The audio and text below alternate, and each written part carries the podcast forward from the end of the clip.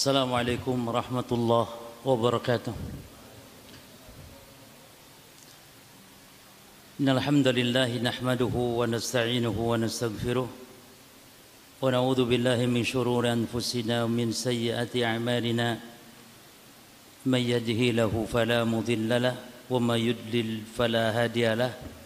وأشهد أن لا إله إلا الله وحده لا شريك له. واشهد ان محمدا عبده ورسوله صلى الله عليه وعلى اله واصحابه والتابعين ومن تبعهم باحسان الى يوم الدين وسلم تسليما كثيرا اما بعد Para ikhwan dan akhwat kaum muslimin wal muslimat rahimani wa rahimakumullah Sehubungan tadi kita ada acara sehingga kajian kitab al-irsyad tadi terluput maka kita kaji di pada maghrib ini insyaallah. Kita masuk di pembahasan ad-da'wah ilal aqidatil islamiyah.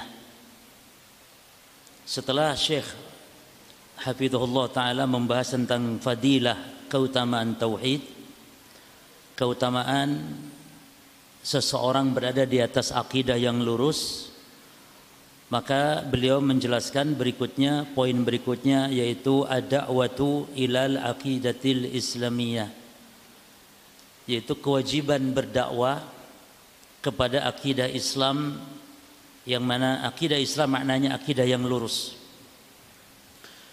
Beliau mengatakan yajibu 'alal muslim ba'dama yamunullahu alaihi bi ma'rifati aqidah wajib atas setiap muslim setelah Allah menganugerahkan kepadanya pengetahuan atau ilmu tentang akidah ini, akidah yang lurus ini, akidah ahli sunnah wal jamaah ini wa tamasuki biha. Dan setelah dia berpegang teguh dengan akidah itu berkewajiban untuk an yad'u nas ilaiha untuk berdakwah yang menyeru kepada akidah dan tauhid atau akidah Islam yang lurus. Jadi kita tidak sekedar sudah mengenal akidah lalu berpegang teguh dengan akidah tersebut tapi harus menyeru berdakwah. Li ikhrajihim biha minadh-dhulumati ila nur untuk mengeluarkan mereka saudara kita kaum muslimin dari kegelapan kepada cahaya. Ini kegelapan kekufuran kesyirikan penyimpangan akidah kepada cahaya yakni akidah yang lurus. Oleh karenanya sebagian orang katanya kenapa kita dakwah mendakwakan tauhid akidah kepada orang yang sudah berislam? Kenapa enggak dakwah saja orang ateis? Maka jawabannya kalau orang ateis jelas. Kufur jelas ada di atas kesyirikan tapi orang Islam kaum muslimin yang mengaku beragama Islam tapi akidahnya menyimpang maka ini akan merusak Islam itu sendiri. Yang kedua yang kedua akan membuat talbis kepada kaum muslimin yang lain. Yang disangka dia akidah Islam padahal bukan.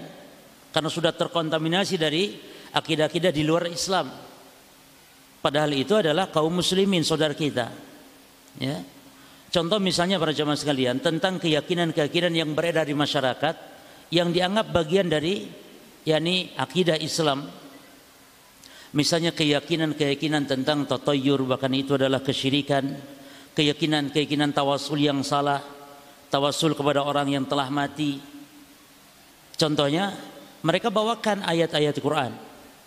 Ya, seperti misalnya Allah berfirman ya ayyuhalladzina amanu taqullaha wabtaghu ilaihi alwasilah Wahai orang-orang yang beriman, bertakwalah kepada Allah dan carilah supaya sampai kepada Allah itu al-wasilah. Sehingga dengan ayat ini mereka meminta kepada Allah melalui orang-orang yang telah meninggal, melalui wali-wali, orang-orang saleh. Ini oleh orang awam dianggap akidah yang benar, yang lurus.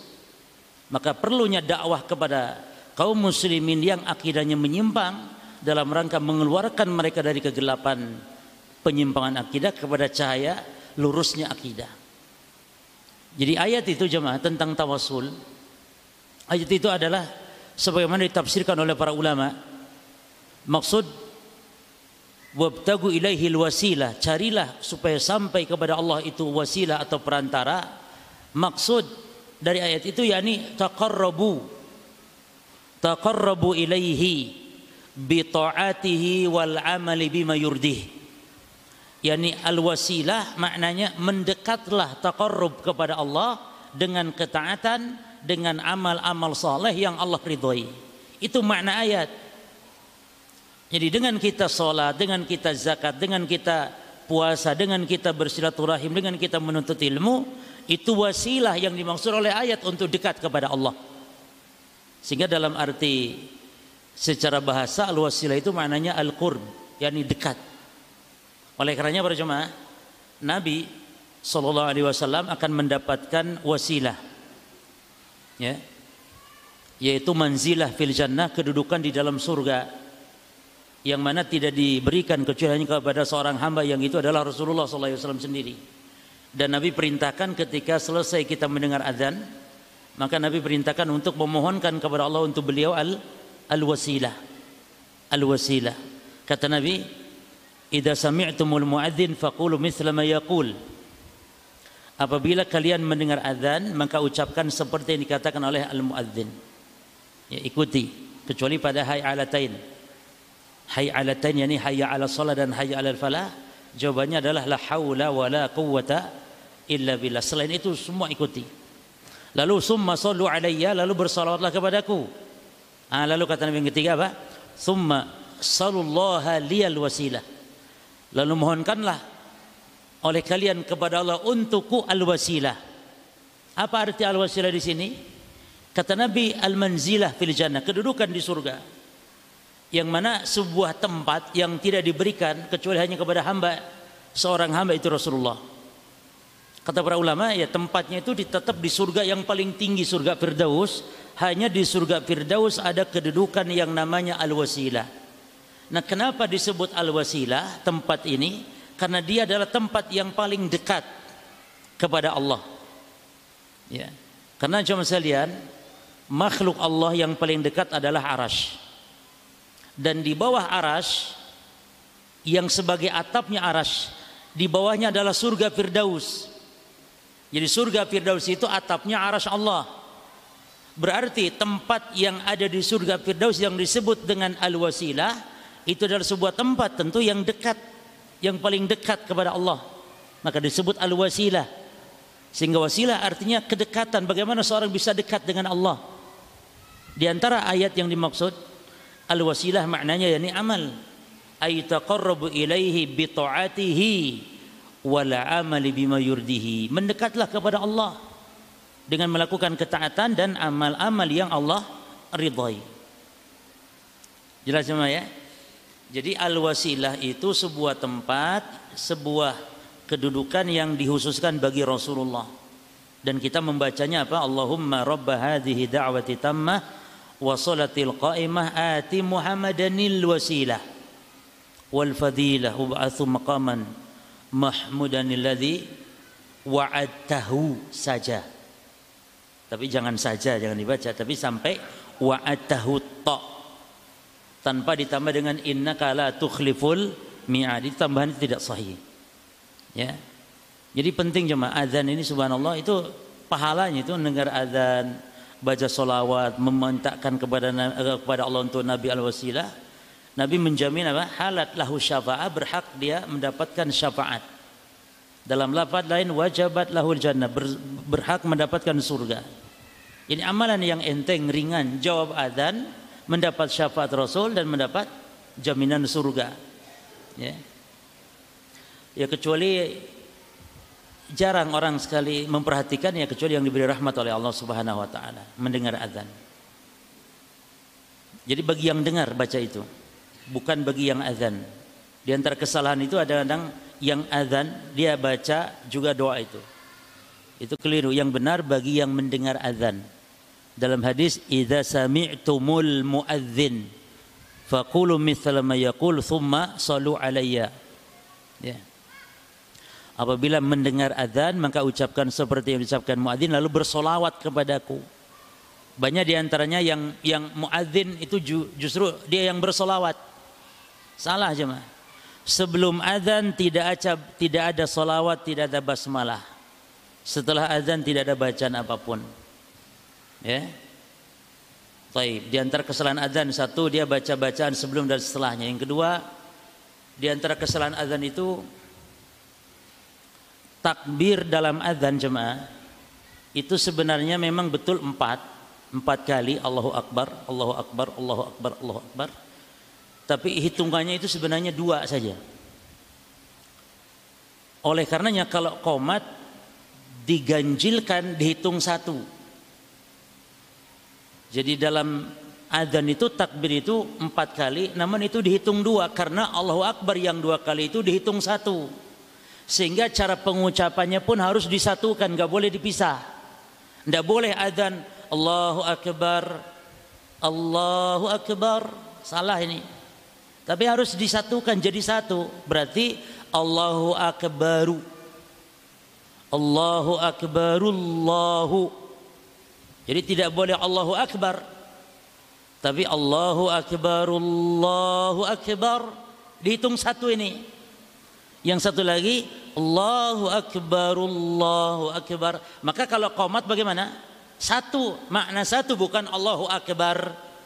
Tapi satu itu dalam komat Allahu Akbar, Allahu Akbar. Ada sebagian orang menyangka komat itu kan katanya ganjil sehingga Allahu Akbarnya sekali. Allahu Akbar, syahadu la ilaha illallah salah. Allahu Akbar, Allahu Akbar, syahadu la ilaha illallah, syahadu anna Muhammad Rasulullah. Di antara kesalahan lagi adalah pakai wawu. Asyhadu an la ilaha illallah wa asyhadu anna Muhammad wa as enggak ada wawunya tambahan wawu enggak ada. Jelas ya? Baik. Kembali jadi banyak di antara kita, sebagian awam di antara kita menyangka itu akidah padahal itu justru bukan akidah sehingga perlu didakwahkan tauhid akidah yang lurus ini kepada orang-orang Islam yang sudah berislam, yang sudah bersyahadat. Ya. Jadi keliru katanya dakwah tauhid, dakwah akidah kepada orang Islam. Tapi dakwahi saja kata orang ateis. Orang ateis jelas. Tapi orang Islam ini yang kadang-kadang membuat talbis. yakni kesamaran, penyamaran disangka itu akidah padahal bukan. Bahkan bertentangan dengan akidah yang lurus. Ya. Taib. Contoh lagi misalnya mengagungkan kubur. Ini lagi musim sekarang lagi viral. Mengagungkan kubur itu para jamaah bukan bagian dari ajaran Islam. Mengagungkan kubur ya. Mengkeramatkan kuburan bukan. Bahkan diharamkan ibadah di kuburan. Karena bukan tempat ibadah dan juga dicegah itu karena jangan sampai nanti kaum muslimin jatuh kepada kesyirikan. Karena kalau ibadah di kuburan nanti lama-lama walaupun ibadah kepada Allah lama-lama nanti akan mengibadahi penghuni kubur. Maka diharamkan solat di kuburan. Tapi justru sebaliknya ini dianggap oleh sebagian besar kaum muslimin solat di kuburan, baca Quran di kuburan ini bagian dari syariat, bagian dari akidah. Justru ini yang dilarang oleh Rasulullah SAW. La tusallu ilal kubur wa la tajlisu 'alaiha. Jangan kalian salat menghadap kubur. Ini laranganmu diartikan apa lagi jemaah? Salat di kuburan hanya boleh satu salat saja yaitu salat gaib. Dan itu salat gaib boleh di kuburan karena memang salat gaib tidak ada ruku sujudnya dan memang dia doa untuk orang yang telah meninggal. Adapun sholat duhur, sholat wajib, sholat sholat sunnah di kuburan yang ada ruku sujudnya diharamkan dalam Islam dalam rangka saddan lidzari'ah menutup pintu-pintu kesyirikan karena setiap sebab-sebab yang menghantarkan kepada kesyirikan dalam Islam dilarang. Makanya coba perhatikan dilarang kita gambar, dilarang mengagungkan orang soleh secara berlebihan, kultus mengkultuskan orang soleh. Maka kata ulama, sabab asyirki salasa. Sebab jatuhnya kesyirikan itu ada tiga. Yang pertama al-ghulu fi salihin. Wa huwa kama yaf'alun kaum Nuh alaihi salam. Yang pertama mengkultuskan orang-orang saleh dan ini sebagaimana dilakukan oleh kaum Nabi Nuh dahulu. Kesyirikan pertama terjadi di muka bumi zaman kaum Nabi Nuh. Dan sebabnya apa? Al-ghulu fi salihin. Ya yakni mengkultuskan, berlebihan dalam mengagungkan, memuliakan, menghormati orang-orang soleh. Yang kedua berjamaah min asbab syirik atau waqa'a fi syirik sebab yang kedua adalah al-kubur yakni pengagungan terhadap kuburan. Jadi kita kubur itu hanya diperintahkan satu saja, yaitu menziarahinya. Ziarah kubur. Selain itu tidak ada syariat di kubur. Tidak sholat, tidak baca Quran. Mana dalil yang menunjukkan baca Quran dilarang di kuburan? Isyarat dari hadis Nabi Sallallahu Alaihi Wasallam memerintahkan baca Quran di rumah, jangan jadikan rumah seperti kuburan. Berarti maknanya ini isyarat ya. Tidak boleh dan bukan tempat baca Quran di kuburan. Kata Nabi SAW, La taj'alu buyutakum maqabir fa inna syaitan yanfiru minal baiti ladhi tuqra'u fihi suratul baqarah. Jangan jadikan rumah kalian kuburan. Ini dua makna. Jangan memendam atau mengubur mayat di rumah. Itu makna jangan jadikan rumah kubur. Makna secara zahir. Dan memang dilarang perjemaah. Tidak ada uh, kebiasaan para salafus soleh mengubur-ubur jenazah mereka di rumah-rumah mereka. Baik di halaman depan, kiri, kanan, tidak boleh. Bahkan kata Syekh Utsaimin rahimahullah kalau orang ngubur mayit itu di rumah, maksudnya di halaman di mana, itu akan merusak harga nilai jual rumah. Betul. Antum kalau mau beli rumah, ada kuburannya kayaknya kayaknya nggak jadi cuma. Kecuali kalau dipindahkan boleh. Pindahkan dulu baru antum beli rumahnya. Ya. Jadi mudarat dari sisi itu. Yang kedua kan juga nanti akan adanya penghinaan-penghinaan kepada kubur. Jadi Islam itu melarang mengagungkan kubur namun juga mengharamkan menghinakan kuburan. Sehingga tidak boleh diinjak, Masya Allah ini keadilan syariat Islam. Tidak boleh kubur diagungkan, dibangun, dibuat megah. Tidak boleh pula dihinakan, diduduki, diinjak, tidak boleh. Kecuali kuburan orang kafir boleh diinjak. Karena orang kalau sudah kafir tidak ada lagi kemuliaan manusia. Kalau sudah kafir meninggal nggak ada lagi kemuliaan berjemaah. Ya, Taib. Yang kedua makna jangan jadikan rumah kuburan maknawi, yakni jangan sepi dari bacaan Al-Qur'an di rumah. Ini isyarat baca Quran itu di rumah. Ya, bukan di kuburan. Taib. Yang ketiga sebab seorang jatuh kepada kesyirikan adalah as-surah, yakni gambar makhluk bernyawa.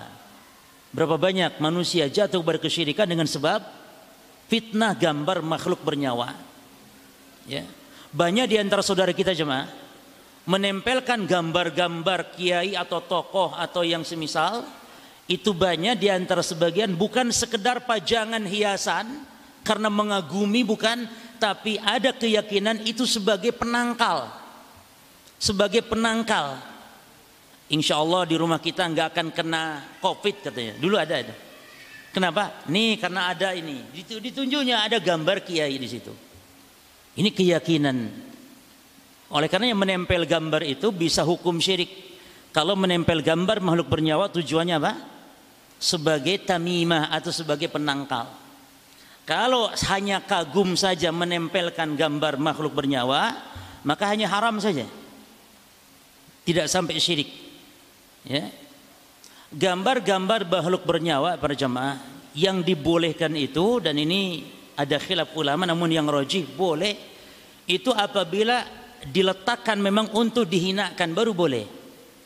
Oleh karenanya Aisyah radhiallahu anha ketika Nabi marah di mana tirainya Aisyah itu ada gambar makhluk bernyawanya lalu dirobeknya oleh Nabi sallallahu alaihi wasallam. Lalu oleh Aisyah dibuatkan menjadi wisadah atau wisadatain. Dibuat menjadi satu bantal atau dua bantalan tempat duduknya Rasulullah. Kain yang ada gambar makhluk bernyawanya Berarti boleh memanfaatkan kain tersebut namun dijadikan untuk tilam atau untuk diduduki, diinjak. Lebih boleh lagi kalau gambar maupun nyawa untuk dijadikan keset. Lebih boleh lagi. Jadi gambar makhluk tokoh tapi kalau tokoh nanti antum kena pasal jemaah. Ada gambar tokoh keset diinjak di keset. Gambar antum sendiri dah boleh. Bisa loh jemaah antum punya apa? Punya kain yang ada gambar makhluk bernyawa, jangan dibuang. Bisa jadikan hal seperti yang bermanfaat. Jangan dibuang mubazir.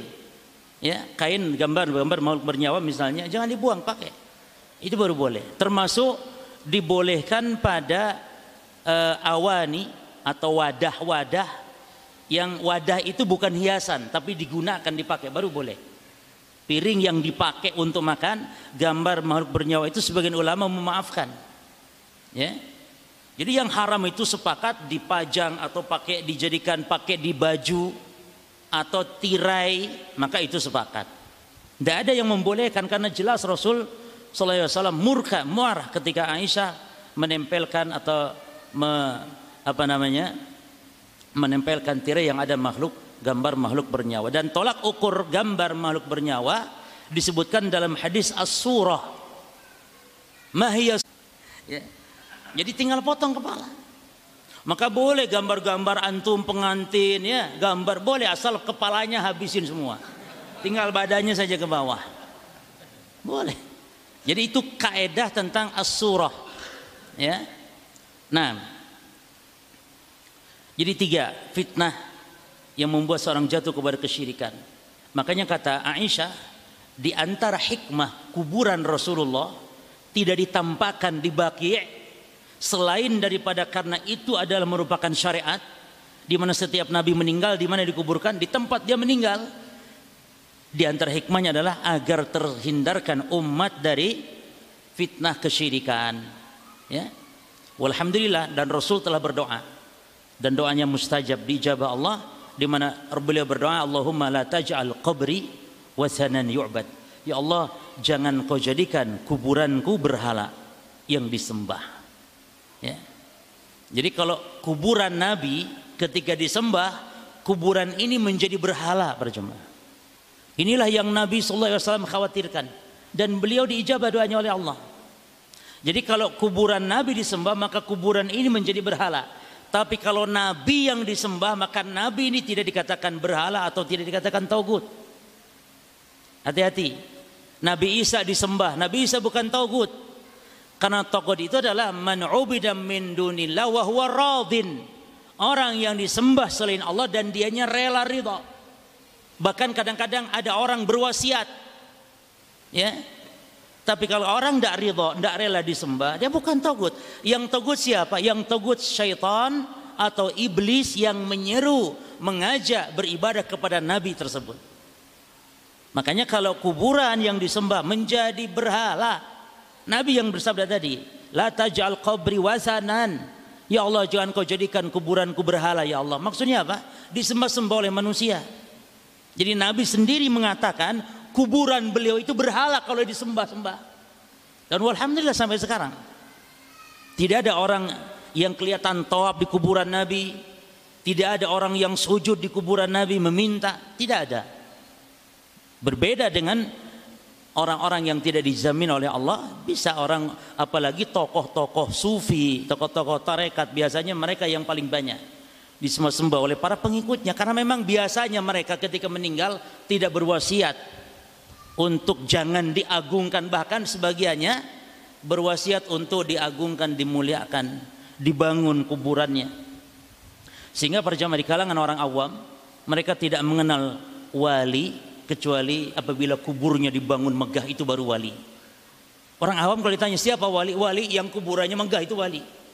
Berarti kuburan-kuburan para sahabat, kuburan Nabi Muhammad, kuburan-kuburan Imam Syafi'i misalnya. Menurut kaidah orang awam, kuburannya kan biasa. Inilah para jemaah kesalahpahaman yang harus diluruskan, ya.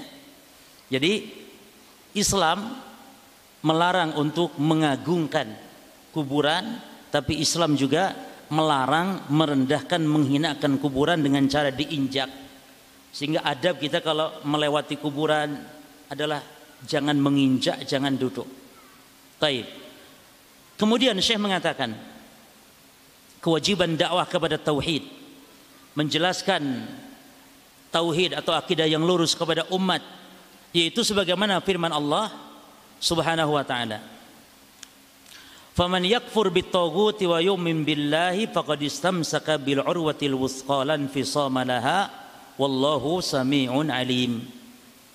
Ya. Dalil ayat ini menunjukkan tentang bahwa tauhid adalah cahaya dan yang namanya kekufuran kesyirikan adalah kegelapan. Allah mengatakan, "Faman yakfur bitaghuti wa yu'min billah siapa yang kufur kepada togut dan beriman kepada Allah. Ini luar biasa jemaah. Dalam ayat ini terkandung sebuah kaidah penting tentang tauhid bahwa hakikat tauhid bukan sekedar menetapkan tapi hakikat tauhid juga adalah menafikan. Mengingkari, mengkufuri itu tauhid. Mengkufuri segala sesuatu yang disembah selain Allah. Wajib mengingkari jemaah.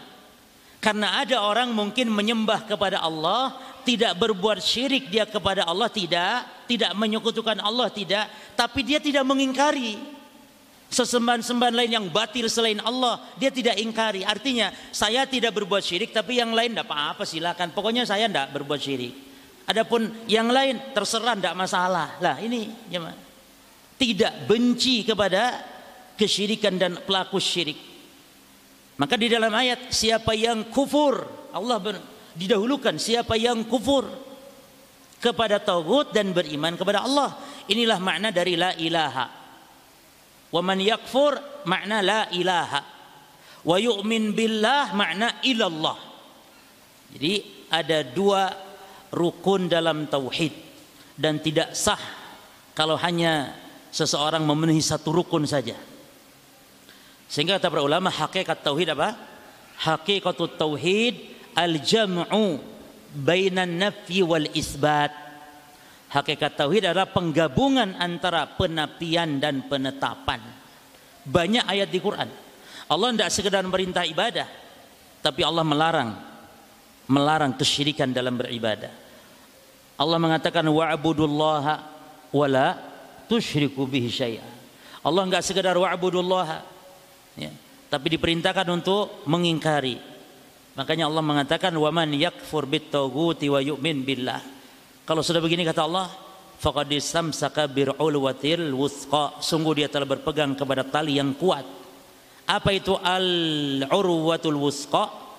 Para sekalian, al-urwat al-urwatul wuthqa, tali yang kuat yakni kalimat tauhid. La ilaha illallah. Jadi kalimat tauhid itu banyak namanya. Yang pertama al-urwatul wuthqa yang kedua kalimatul ikhlas. Kalimatul ikhlas. Yang ketiga kalimatul at-tauhid. Itu nama-nama terhadap la ilaha atau lafad la ilaha illallah.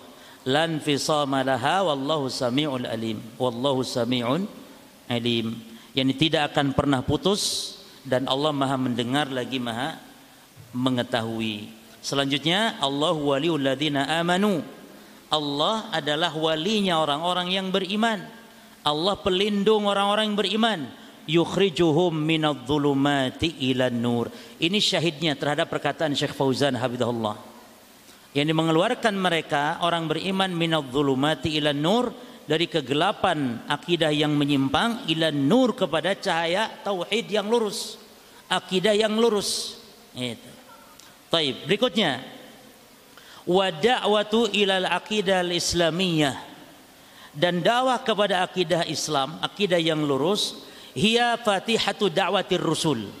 Dia adalah pembuka mukaddimah dasar prinsip dakwahnya seluruh para rasul. Seluruh. Tidak ada seorang rasul yang dakwah bukan kepada tauhid. Semuanya menyeru kepada tauhid. Falam yakunu yabda'una bi syai' qablaha tidak ada seorang pun dari Rasul di kalangan mereka mengawali dakwah selain daripada tauhid. Kama qala ta'ala sebagaimana Allah Ta'ala berfirman dalam surah An-Nahl ayat 36. Walaqad ba'atsna fi kulli ummatin rasulan ha an i'budullaha wajtanibu at-taghut. Lihat lagi-lagi diulang antara an-nafi wal isbat. Yaitu sungguh kata Allah kami telah mengutus pada setiap umat itu seorang rasul, seorang utusan yang misi dakwah mereka an i'budullah yakni untuk mentauhidkan Allah karena kata-kata ibadah dalam Quran itu maknanya tauhid karena tidak disebut ibadah jika tidak didasari tauhid. Abu Jahal itu ibadah cuma. Tapi enggak disebut ibadah yang benar karena enggak didasari tauhid. Makanya ibadah yang dimaksud oleh Quran ibadah yang dasarnya tauhid, yang tidak ada persekutuan atau menyekutukan antara Allah dengan makhluk. Jadi Abu Jahal itu sudah beribadah, kalau manusia sekedar diperintah hanya untuk beribadah, Jadi kalau sudah beribadah cukup kepada Allah, maka Abu Jahal itu sudah beribadah. Jadi percuma Nabi Muhammad diutus karena Abu Jahal sudah beribadah. Cuma Nabi Muhammad diutus dan seluruh para nabi rasul diutus oleh Allah karena sebab ibadahnya Abu Jahal itu salah. Tidak mentauhidkan Allah, yakni Allah diibadahi selain Allah pun diibadahi. Sehingga ibadah mereka tidak sah. Maka perlu diutusnya para rasul untuk memurnikan peribadahan mereka hanya kepada Allah semata. Makanya disebutkan wajtanibu at-tagut dan menjauhi tagut. Apa tagut jemaah? Nah, tagut itu segala sembahan. Segala segala sesembahan selain Allah togut dan togut itu banyak makna ya karena intinya adalah setelah eh, sebuah keburukan melampaui batas dalam hal melampaui batas dalam hal segala sesuatu yang dicela dalam pelampauan terhadap batas dalam hal ibadah melampaui batas karena harusnya Allah yang diibadahi malah dia makhluk yang diibadahi jadi Togut itu dari kata at-tughyan yang artinya mujawajatul had melampaui al-had melampaui batas. Maka banyak maknanya.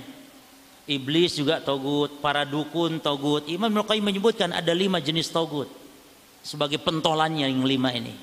Yang pertama iblis, yang kedua orang yang mengaku-ngaku tahu goib, para dukun. Itu togut, para dukun itu. Ya.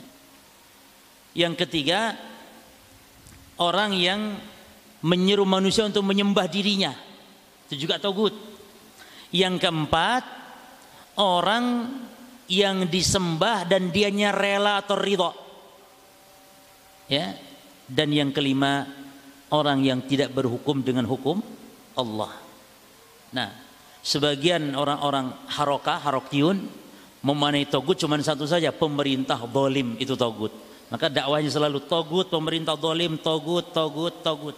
Padahal makna togut luas sekali para. Ya. Ada sebuah kitab yang bagus yang menjelaskan khusus tentang masalah togut dalam satu jilid kitab. Ya. Karya Syekh Said bin Wahab Al-Qahtani. Itu kitab belum ada terjemahannya sayangnya. Mudah-mudahan nanti ada yang menerjemahkan. Itu satu jilid tebal cuma menjelaskan tentang arti togut secara detail rinci bagian-bagian taugut ya. Dan Syekhul Islam Muhammad bin Abdul Wahab juga punya risalah namanya yakni e, makna at-tagut juga. Tapi ya tipis. Tapi kalau Syekh Said bin Wahab Al-Qahtani yang ngarang Hisnul Muslim itu jemaah. Yang meninggal baru saja. Kurang lebih setahunan barangkali yang ngarang Hisnul Muslim ya itu beliau sangat luar biasa karya tulisnya jadi banyak sekali mu'alafat beliau salah satunya makna at-tagut ini. Baik, kita lanjutkan. Wa qulur rasulin yaqulu liqaumihi. Dan setiap rasul mengatakan kepada seluruh kaumnya awal ma yad'uhum yang pertama mereka serukan adalah u'budullaha ma lakum min ilahin ghairuh. Beribadalah yang ditauhidkan Allah, tidak ada bagi kalian sesembahan yang berhak diibadahi kecuali hanya Allah. Kama qala Nuhun wa Hudun wa Salihun wa Syuaibun. Sebagaimana itu diucapkan Nabi Nuh, diucapkan Nabi Hud, Nabi Saleh, Nabi Syuaib, wa Ibrahim, wa Musa, wa Isa, wa Muhammad, wa sairur rusuli alaihim salatu wassalamuhu ajma'in. Dan juga Nabi Musa, semua para Nabi dan Rasul. Antum lihat di dalam surah Al-A'raf. Ya. Ucapan Nabi Nuh, Nabi Hud, Nabi Saleh, Nabi Syuaib, Ya qaumi ibudullaha ma lakum min ilahin ghairu. Wahai kaumku. Karena mereka nabi-nabi yang dulu sebelum Rasul itu kan diutus hanya kepada kaumnya. Ya kaumku. Wahai kaumku. Ya ya ibudullah beribadalah kepada Allah ma lakum min ilahin ghairu. Taib. Fayajibu ala kulli man arafa hadil aqidah maka wajib atas setiap orang yang mengenal yang tahu tentang akidah yang benar yang lurus ini wa amila biha dan mengamalkan akidah tersebut ala yaktasir ala nafsi. Jangan hanya terbatas pada dirinya saja tidak boleh. Antum sudah ngaji tentang akidah tentang tauhid wajib antum berdakwah. Dan dakwah antum tidak harus ceramah mengajarkan tidak bagaimana akidah ini menyebar? Antum punya buku tentang akidah sebarkan. Antum punya harta, dana, cetak buku-buku akidah, sebarkan. Ini dakwah. Yang paling lagi diutamakan istri dan anak-anak kita terlebih dahulu. Ya. Taib. Bal yad'un nasa ilaiha bil hikmah. Perhatikan dan ah, bahkan atau akan tetapi menyeru manusia kepada akidah tersebut bil hikmah wal ma'idil hasanah dengan hikmah. Apa itu hikmah berjemaah? Dakwah bil hikmah yakni dakwah dengan ilmu. Nah, itu dakwah bil hikmah. Ya. Ud'u ila sabil rabbika bil hikmati wal mau'izatil hasanati wajadilhum billati hiya ahsan. Tiga tariqah dakwah. Hikmah kemudian mau'idhu hasanah dan debat. Namun syaratnya billati hiya ahsan.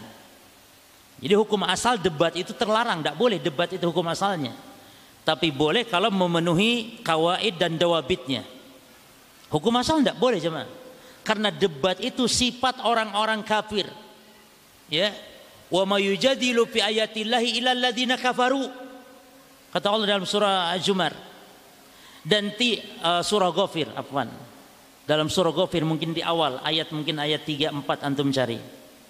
Ya dan tidaklah mendebat terhadap ayat-ayat Allah kecuali memang orang-orang kafir. Jadi orang yang debat itu sifat orang kafir, nggak boleh debat. Imam Ahmad apa kata beliau? Min usuli as-sunnah. Usul sunnah indana tamasuk bima kana ali ashabu Rasulullah sallallahu alaihi wasallam. Wa tarkul bid'ah. Wa kullu bid'atin fahiya dalalah. Wa tarkul mira wal jidal wal khusumat jadi prinsip sunnah adalah meninggalkan al-mira wal jidal, debat nggak boleh. Hukum asalnya nggak boleh. Maka di dalam Quran tidak ada yakni syariat debat secara mutlak nggak ada, pasti dikaid, pasti diikat dengan syarat billati hiya ahsan. Nggak ada wajadilhum mutlak nggak ada di Quran. Nggak ada ayat mana nggak ada di Quran. Bahkan hampir sekitar belasan ayat di Quran celaan terhadap debat semuanya. Ya. Maka debat itu diikat dengan wajadilhum billati ahsan. Kalau baik. 6. Kemudian wa inna da'wata ila hadil aqidah wal asasu karena sesungguhnya dakwah kepada akidah yang lurus ini dia asas dia dasar wal muntolak dan dia merupakan titik tolak. Nah, ternyata tolak tuh kayaknya dari bahasa Arab jam. Banyak serapan-serapan bahasa Indonesia dari bahasa Arab. Seperti majelis ya. Majelis permusyawaratan rakyat. Itu MPR itu semuanya bahasa Arab. Majelis, majelis permusyawaratan dari syura. Rakyat dari yani ra'iyah. Rakyat, ra'iyah banyak. Hatta bodoh itu dari bahasa Arab. Bodoh. Ini dari kata badu. Orang badu. Ya, bodoh.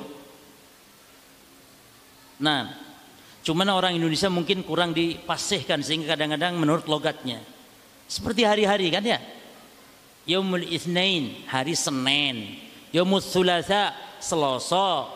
Yaumul Arba'a, Rebo. Yaumul Khamis, Kemis, yaumul jumu'ah. Nek jumu'ah apa do? Jumu'ah. Yaumul sabat, sabat sama. Eh ahadnya jadi minggu. Itu ahad itu hari pertama loh jemaah. Senin itu hari kedua. Ya. Hari itu kan sehari itu tujuh. Dan hari pertama itu hari ahad. Senin sampai hari Jumat. Ya, itu enam. Baru Sabtu yang ke tujuh. Makanya Allah menciptakan langit dan bumi itu berapa hari? Enam hari itu maksudnya dari Senin sampai Jumat eh, dari Ahad sampai Jumat jemaah. Enam harinya itu. Jadi hitungan enam hari itu Allah menciptakan langit bumi dari Senin, Yaumul Itsnin, Ilaimil Jum'ah. Yang terakhir diciptakan Nabi Adam.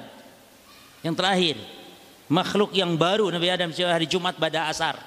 Nah, di hari Sabtunya Allah istirahat karena capek kata Yahudi. Yahudi biasa kurang ajar kalau sama menghina Allah, menghina Nabi itu biasa. Ini sifat-sifat Yahudi. Ya. Nah, jadi kata orang Yahudi, Allah capek enam hari cipta langit bumi, lalu di hari yang ketujuh, di hari Sabtu istirahat. Lalu Allah bantah, wama masana millugu. Allah bantah. Kesesatan itu Allah bantah, nggak dibiarkan. Kami tidak tertimpa letih, kata Allah. Ini bantahan kepada apa ayat ini? Kepada perkataan orang Yahudi. Ya. Taib. Jadi akidah, dakwah kepada akidah dia asas. Wal muntalak, eh, wal muntolak, wal muntolak. Yani titik tolak. Fala yud'a ila syai' qablaha min fi'lil wajibati wa tarkil muharramat. Tidaklah diserukan kepada sesuatu sebelum akidah. Subhanallah jemaah ya. Artinya bukan berarti kita ini jemaah kalau pengajian harus ngaji kitab akidah lalu nggak belajar tafsir, hadis, fikih bukan maknanya, bukan begitu. Tapi kalau kita menyeru manusia kepada agama ini, maka yang diperbaiki itu adalah akidah dulu. Gitu loh. Kaum muslimin kalau tersesat, menyimpang dalam akidahnya maka luruskan akidah ini. Itu baru baru ajarkan tentang fikih. Itu maknanya. Ya. Maka tidak menyuruh kepada sesuatu pun sebelum akidah, min fi'lil wajibati wa tarkil muharamat berupa amalan-amalan yang wajib atau hal-hal yang di e, meninggalkan yang haram. Jadi akidah dulu. Hatta karena kalau akidah sudah kuat para jemaah, itu orang akan mudah menerima syariat. Makanya Nabi itu 13 tahun jemaah. Di Mekah itu enggak membahas apa pun kecuali akidah. Setelah 13 tahun kokoh akidahnya barulah di Madinah keluar syariat-syariat sehingga mudah ya Orang kalau akidah sudah lurus, antum coba rasakan. Ikhwan-ikhwan kita yang sudah ngaji di pengajian-pengajian sunnah, itu mereka lebih mudah meninggalkan maksiat-maksiat. Ada yang kerja di bank keluar. Kenapa? Karena akidahnya sudah kuat. Kalau ngaji dulu sebelum akidahnya nggak kuat, nggak bisa keluar dari bank. Walaupun tidak menjamin ya, buktinya masih banyak. Ikhwan-ikhwan kita salafi yang sudah ngaji, ngaji salaf, ngaji sunnah tapi masih rokokan masih dengar musik masih ada. Cuman secara umum antum perhatikan orang yang sudah lurus akidahnya dia akan mudah meninggalkan apa yang diharamkan Allah. Meninggalkan yang kerja di bank pada keluar, yang dulunya suka rokokan berhenti merokok, yang dulunya tidak pernah sholat menjadi rajin sholat. Karena apa? Akidah dulu para jemaah. Adzan dah. Hah? Sholat dulu ya? Ah, taib. Ya kita lanjutkan nanti pada sholat. Ya, subhanakallahumma bihamdika asyhadu an la ilaha illa anta ilaik. Assalamualaikum warahmatullahi wabarakatuh.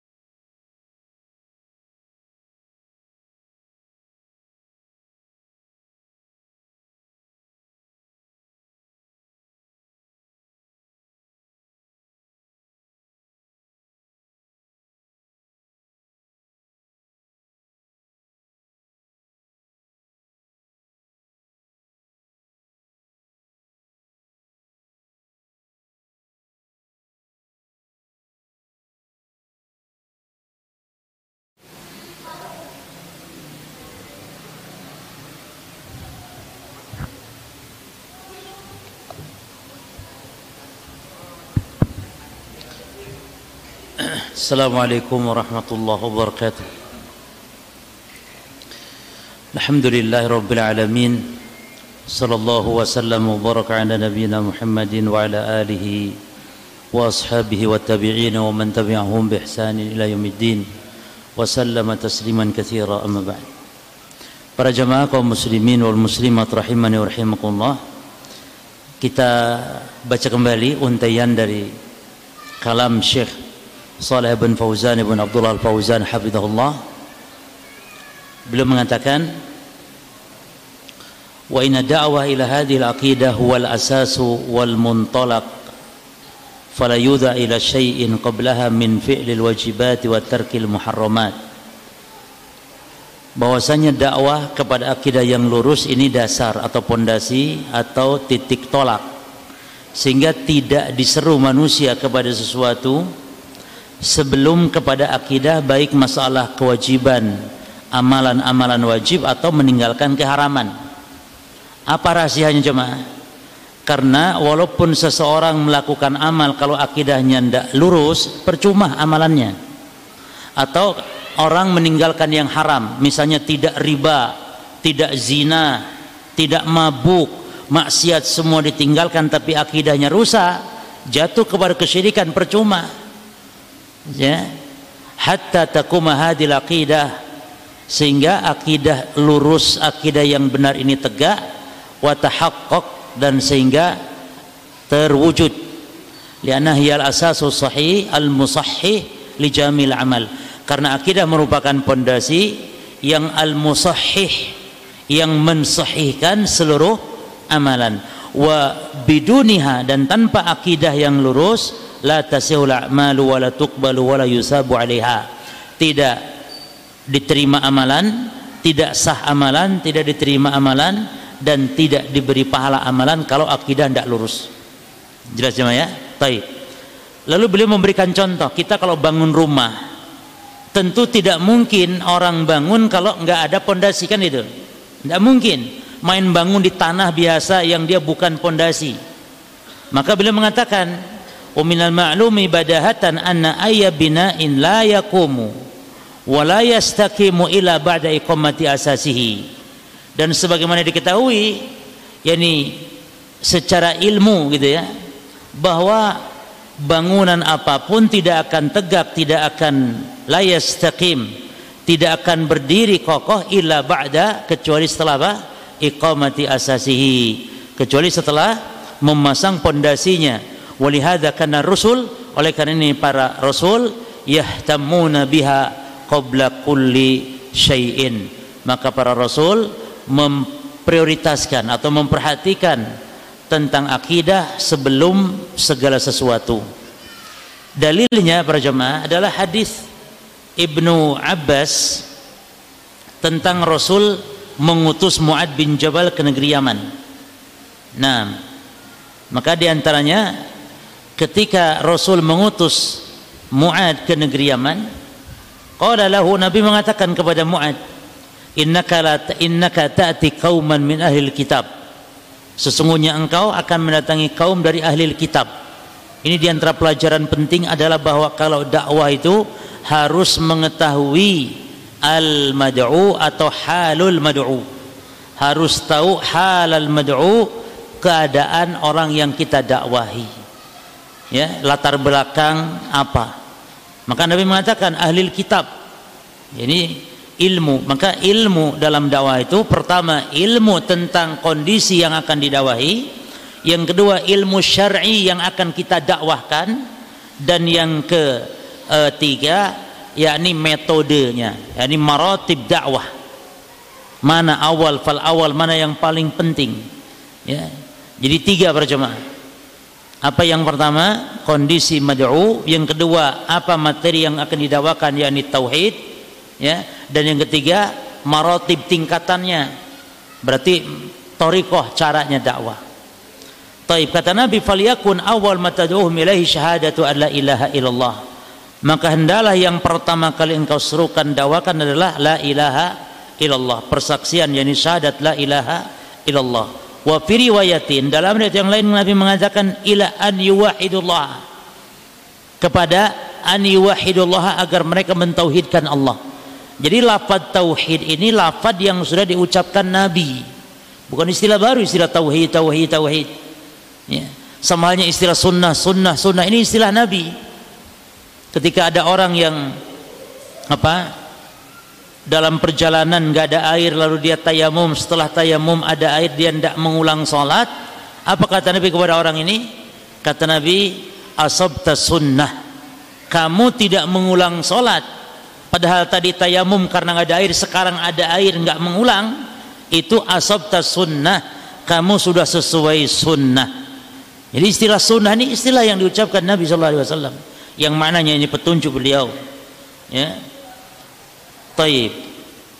Lalu fa'inhum atau lidzalik. Perhatikan kata Nabi kepada Muad dan kalau mereka mentaatimu dalam hal tauhid maka fa'alimhum ajarkan mereka annallaha aftarada alaihim bahwa Allah mewajibkan atas mereka khamsa salawatin fi kulli yawm wa lailah salat lima waktu. Salat sehari semalam lima kali. Berarti setelah tauhid apa? Salat setelah sholat diajarkan lagi kata Nabi adalah zakat. Ya, perhatikan. Fa inhum ata'uka kalau mereka mentaatimu tentang sholat maka fa'alimhum anallaha farad alaihim shadaqah bahwa Allah mewajibkan kepada mereka sedekah. Apa makna sedekah di sini? Yani zakat, sedekatan fi amwalihim. Berarti ini metode tingkatan dalam dakwah. Mana yang terpenting, mana yang didahulukan, mana yang diprioritaskan tauhid. Ya. Kata Nabi tukhadu min agniihim fa turaddu ala fuqaraihim. Yani ambil harta lalu dari orang-orang kaya dan bagikan kepada orang fuqara di antara mereka.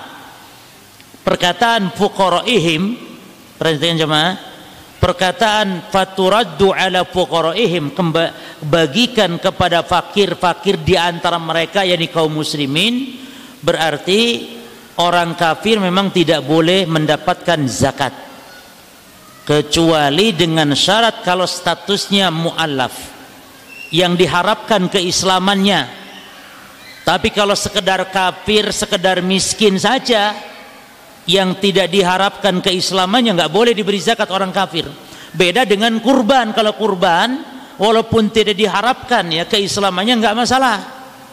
Kasih kalau daging kurban tapi kalau zakat tidak boleh diberikan kepada orang kafir kecuali yurja bi islamihim kecuali diharapkan keislamannya. Ini kalau ada kesepakatan atau diharapkan dia masuk Islam boleh kasih zakat. Kalau tidak hanya sekedar miskin nggak boleh. Terus dari mana? Kalau boleh tidak memberi orang uh, dari kalangan orang kafir yang dia tidak mau masuk Islam tapi fakir? Loh jawabannya boleh tapi jangan zakat kasih kita sodako. Ya. Karena kalau sodako kepada siapa pun. Allah mengatakan la yanhakumullah anil ladzina lam yuqatilukum fid din wa lam yuhrijukum min diyarikum an wa tuqsitu ilaihim. Allah tidak melarang kalian. Allah tidak melarang kalian berbuat baik berbuat adil kepada orang kafir yang tidak memerangi yang tidak mengusir kalian. Jadi boleh para jemaah. Makanya kita ini diperintahkan toleran berbuat baik maknanya ini dalam urusan-urusan dunia. Ya. Berbuat baik itu tolong menolong ta'awun hanya dalam urusan dunia. Adapun ta'awun urusan agama mereka diharamkan. Membantu orang kafir untuk ibadah nggak boleh. Ya tapi membantu orang kafir untuk kepentingan-kepentingan sifatnya duniawi kemanusiaan maka dibolehkan bahkan dianjurkan ya Kemudian fa in hum atauka lidzalik fa iyyaka wa karaima amwalihim. Kalau mereka mentaatimu dalam hal zakat kata Nabi kepada sahabat Muad bin Jabal, maka hati-hati. Hati-hati kamu dengan harta-harta yang istimewa milik mereka. Artinya kalau ngambil zakat harta mereka jangan harta yang istimewa. Jadi ini kewajiban bagi para amil zakat kalau mengambil zakat dari harta orang-orang kaya atas tugas dari para pemimpin Islam atau para amir itu para amil amil zakat tidak boleh meminta harta yang terbaik nggak boleh Kalau beras misalnya, nggak boleh minta beras yang terbaik, nggak boleh. Ya, tapi minta yang sedang saja. Dan juga yang zakat nggak boleh bakhil memberikan beras yang jelek misalnya. Ya. Hati-hati karena meminta yang terbaik dari harta ketika orang berzakat bagi para amil ini kedoliman. Maka kata Nabi wattaqi da'watal madlum. Takutlah engkau kepada Allah dari doanya orang yang teraniaya. Fa innaha laisa baina bainallahi hijab karena tidak ada perantara, enggak ada penutup penghalang antara dia dengan Allah orang yang teraniaya. Yani mustajab jemaah. Dalam hadis-hadis yang lain dikatakan hatta kana kafiran hatta kana fajiran. Baik dia orang fajir durhaka kalau dianiaya berdoa kepada Allah mustajab doanya. Misalnya pelacur misalnya dianiaya doa kepada Allah. Walaupun dia status pelacur orang yang ahli maksiat pemabuk misalnya tapi ketika meminta kepada Allah karena dia teraniaya dengan sebab teraniaya doanya mustajab. Bahkan hatta orang kafir sekalipun. Hati-hati apalagi saudara kita jemaah.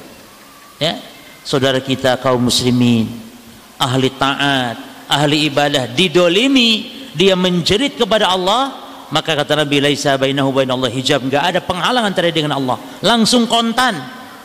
Dia menjerit kepada Allah ya Allah bangkrutkan dia. Langsung seketika hangus di hartanya. Bangkrut seketika jemaah. Takutlah dengan doanya orang-orang yang teraniaya. Nah nah dalam hadis ini kita dapat pelajaran ya.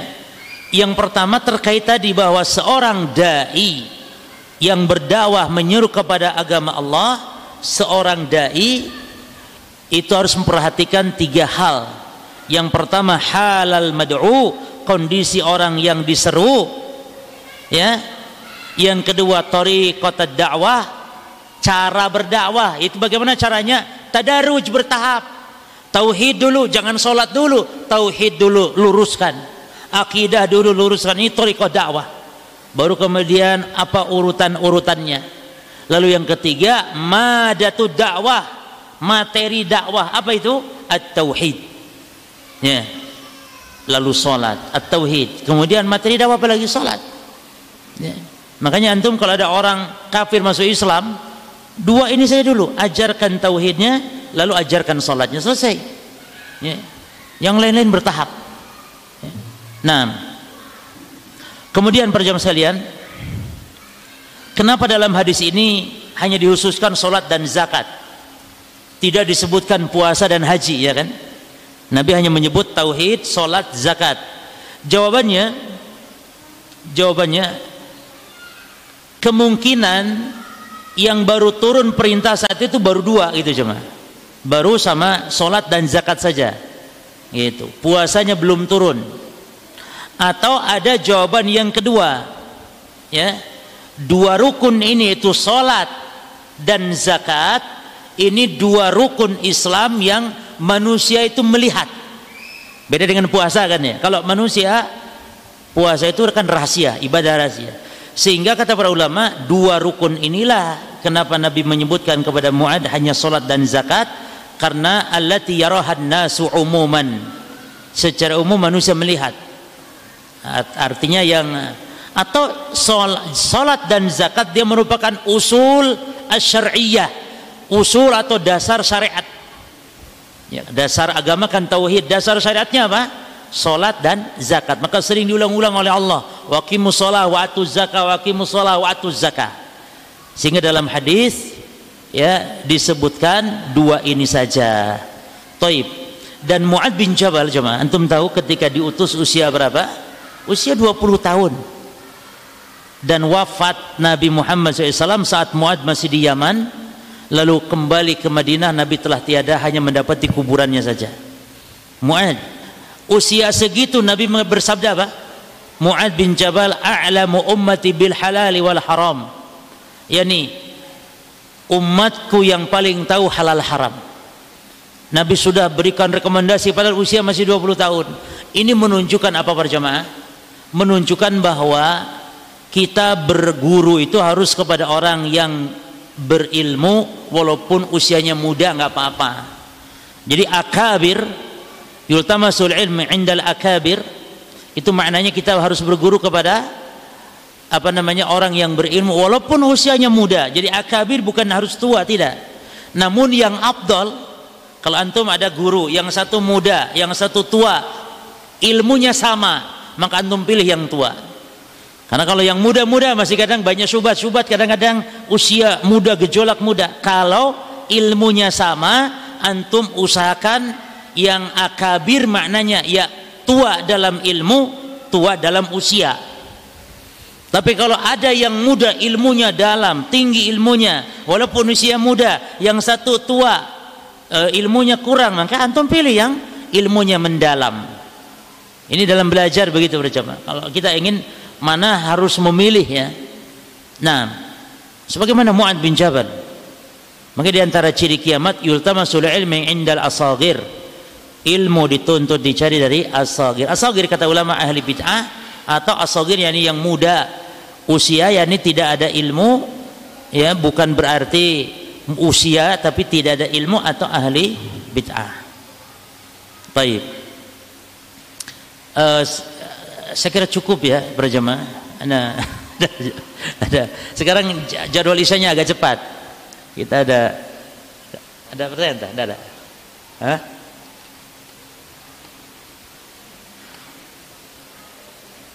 Baik.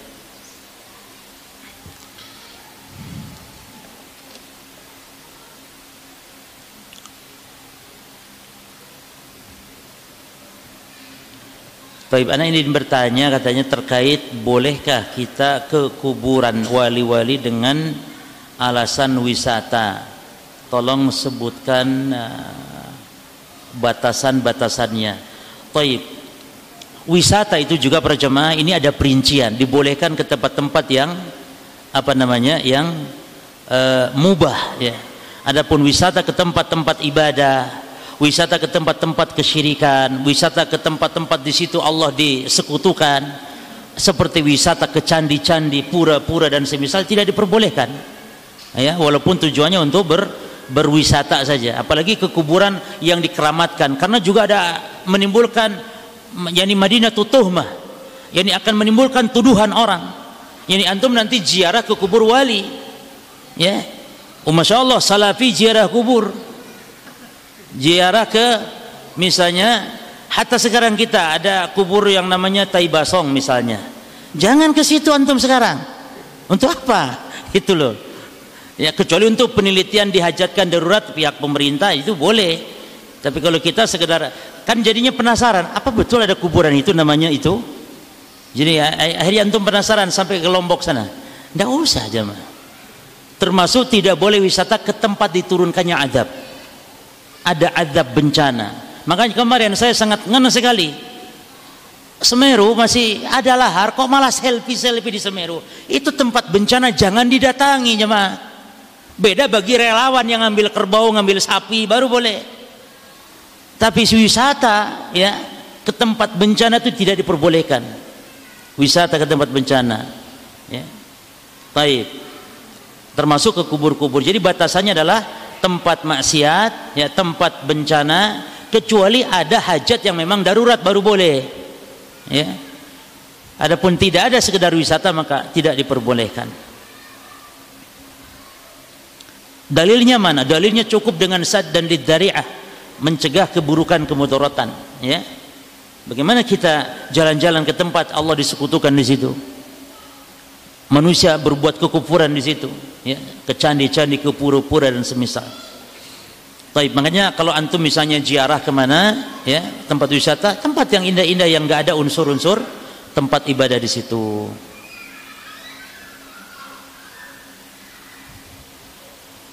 Uh, apa dosa uh, dosa kesibukan dunia telah melalaikan kami dari surga. Beri kami nasihat sehingga kami rindu kepada surga. Ini apa ini? E, dosa. Toib ala kulihal para jemaah sekalian hidup kita di dunia ini hanya sekedar alat sarana agar kita bisa pulang ke akhirat dengan selamat maka semua rizki Allah umur. Ini modal kita. Jadi bukan untuk hidup di dunia. Jadi hakikat kita ini, hakikat kita ini hidup bukan di sini jemaah. Maka selalu prioritaskan itu akhirat dan akhirat. Makanya hatta segala perbuatan-perbuatan walaupun nggak dosa, walaupun nggak dosa, tapi tidak menambah kebaikan di akhirat tinggalkan. Nonton bola itu nggak dosa jemaah. Tapi kalau nggak ada guna manfaat di akhirat tinggalkan. Itu namanya zuhud itu begitu. Ini tarku malayanihi itu zuhud. Tarku malayan fa fil akhirah itu zuhud. Jadi zuhud itu bukan meninggalkan dunia bukan, meninggalkan perkara yang nggak ada manfaat di akhirat kelak. Nonton bola ndak haram tidak. Tapi apa manfaatnya bagi akhirat antum? Ya. Tapi kalau bermanfaat silahkan kalau olahraga manfaat bagi kesehatan antum agar antum bisa ruku sujud tapi nonton bola loh jemaah. Apalagi nonton bola di masjid. Naudzubillah min dzalik di di apanya dikiaskan dengan Rasul membolehkan orang-orang Habasya main pedang di masjid. Aisyah pun ikut nonton. Lah itu keterampilan yang dibolehkan. Bahkan boleh judi.